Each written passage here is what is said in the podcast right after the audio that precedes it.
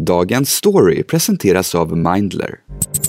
Rush till hyllorna både på apotek och hälsokostbutiker med just D-vitamin. Här är de D-vitaminer som vi har idag. Därför att jag blir piggare. jag behöver det. Vi äter D-vitamintillskott som aldrig tidigare. Och när det under pandemin började talas om att D-vitamin till och med kunde skydda mot covid-19 tog försäljningen fart rejält. If you're vitamin D deficient, especially if you're really deficient, you're much more likely to have a severe course. Men det vetenskapliga stödet är skralt. Så länge man inte kan då säga offentligt att vi har hundraprocentigt evidens för det här sambandet så, så, så tycker man att folk ska få dra den här slutsatsen själva. På en kvart får du veta hur D-vitaminens effekter splittrar forskarna och varför vi verkar äta massa tillskott helt i onödan. Det räcker väl att en forskare av tio säger att det eventuellt kan hjälpa. Det är torsdag den 21 oktober. Jag heter Alexandra Karlsson. Det här är Dagens Story från Svenska Dagbladet.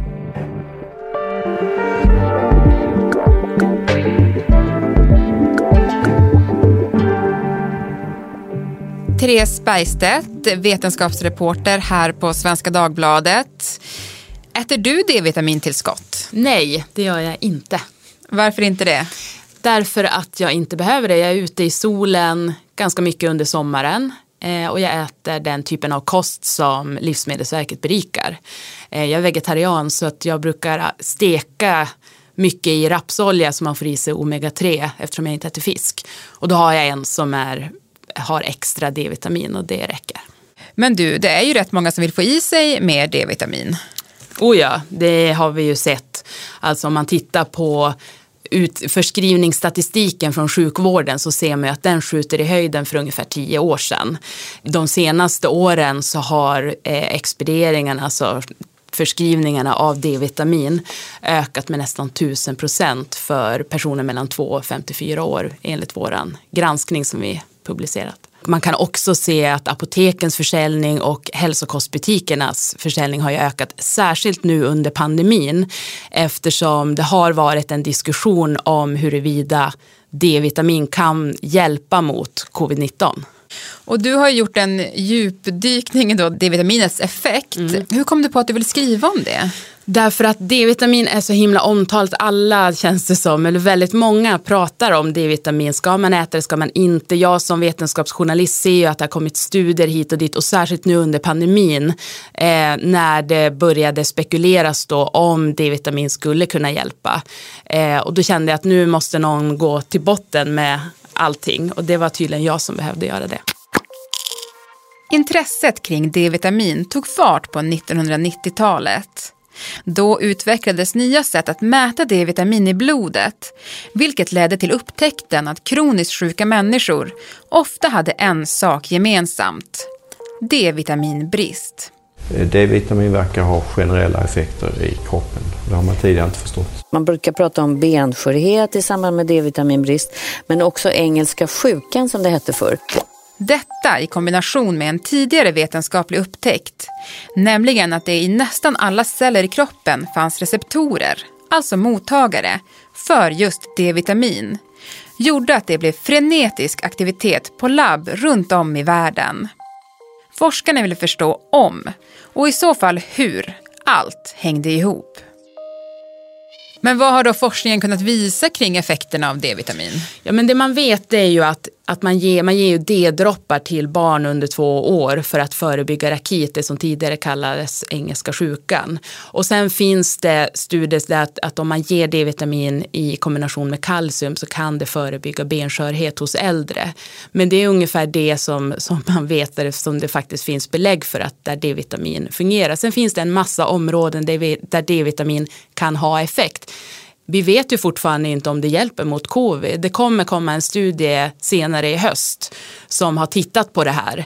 Eh, och den studien följer, kommer jag följa med stort intresse. Min bild efter att ha läst din ehm, granskning av det här då, det är att det känns som att den här frågan är väldigt splittrande i forskningsvärlden. Ja, alltså det är splittrat och splittrat. Det är vissa forskare som, som man kan väl klassificera som entusiasterna. De som tror att D-vitamin kan ha en stor effekt. Sen finns det skeptikerna som har varit tveksamma redan från början. Och sen finns det de som är mittemellan. Men man kan ju säga att skeptikerna har fått mer och mer vatten på sin kvarn. För ju större studier som har gjorts av ju bättre kvalitet på studierna som, har, som man har gjort då kring D-vitamins effekter, eh, desto mindre belägg har man kunnat hitta för att det faktiskt fungerar och hjälper och ger bättre hälsa. Men varför går det då att tolka resultaten så olika? Ja, men det beror lite på det här med alltså, medicinsk forskning. Man vill hitta, undersöka om någonting har en effekt. Då finns det olika typer av studier som man kan göra. Dels man kan hitta statistiska samband. Eh, till exempel att kroniskt sjuka människor har låga nivåer av D-vitamin. Men det betyder inte att det är de låga nivåerna av D-vitamin som orsakar sjukdomen. Det kan också vara så, och det är det många forskare menar, att har man olika typer av eh, sjukdomar så är man kanske inte ute i solen lika mycket till exempel. Och då så får man läge, då klarar inte huden att producera den mängd D-vitamin man behöver till exempel. Eh, så att låga D-vitaminnivåer ska mer ses som en signal för ohälsa är det ju många forskare som menar.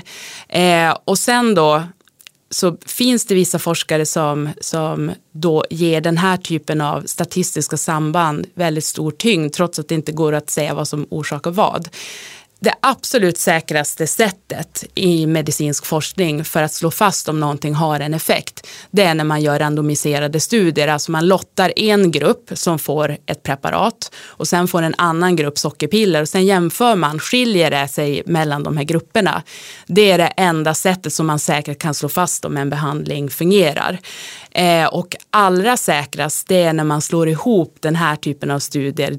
Det görs ju massa, det har gjorts massa sådana om D-vitamin. Och då kanske man tar tio sådana studier och säger vad, vad visar de?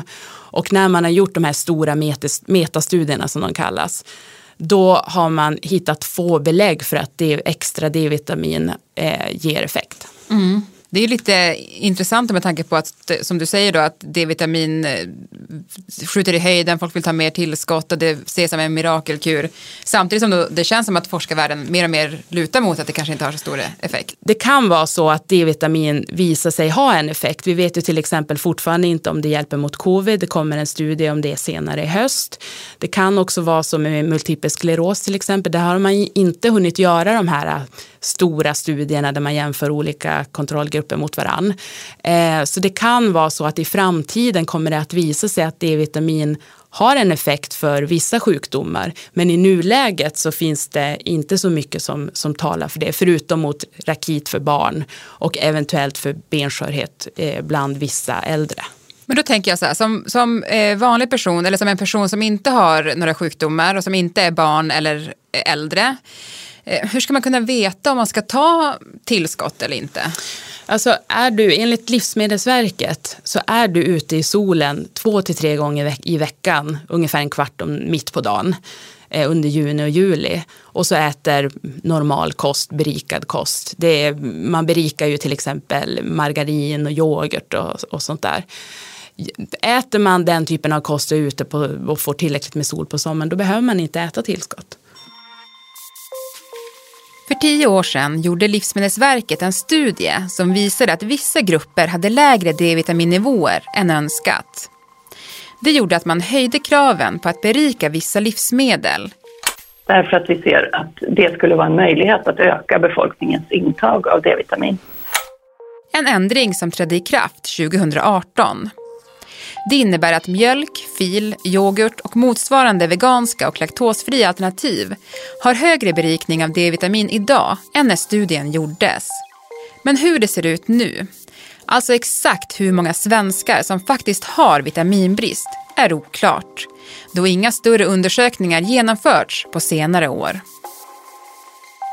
Jag kan tycka att det borde vara motiverat med tanke på det enorma intresset som finns för D-vitamin, hur många som äter kosttillskott, köper det på apoteken, köper det på hälsokosten, går till läkaren och vill ha det utskrivet. Så det vore på sin plats att, att göra en sån större befolkningsundersökning för att få det svart på vitt. Jag kan ju säga också att i Finland där har man ju berikat maten längre än i Sverige och där har man sett en väldigt positiv effekt på D-vitaminnivåerna. sun.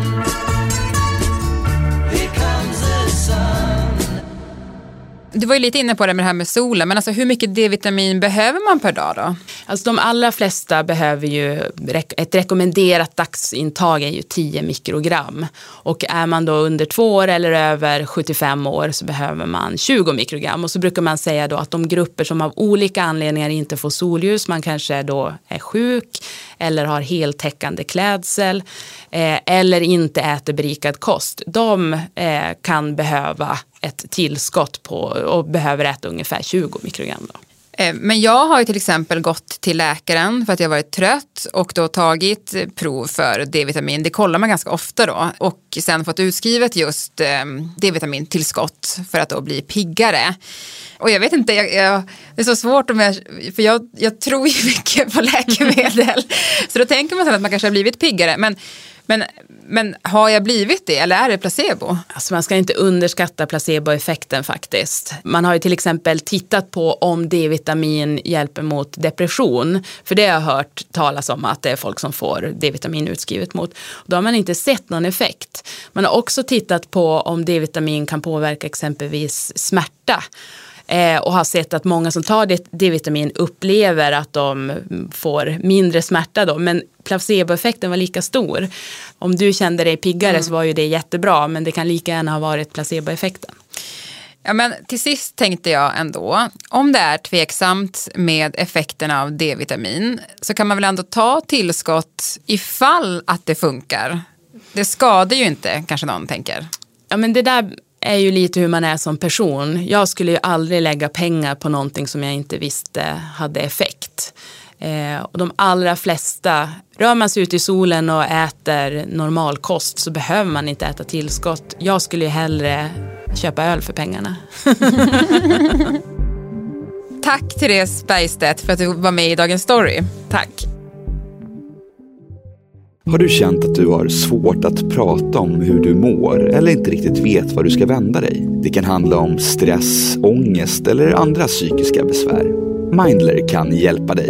I appen kan du träffa en psykolog via videosamtal och få tillgång till Mindlers självhjälpsprogram där du får övningar som du kan utföra på egen hand eller tillsammans med en psykolog. Med Mindler slipper du långa väntetider och garanteras en tid med en psykolog inom 24 timmar. Ett besök kostar 100 kronor. En liten investering för något väldigt viktigt. Din psykiska hälsa. Programmet idag producerades av Gabriella Lahti. Redaktör var Teresa Stenler från Matern. Och jag heter Alexandra Karlsson. Vill du kontakta oss så mejla till dagensstory.svd.se.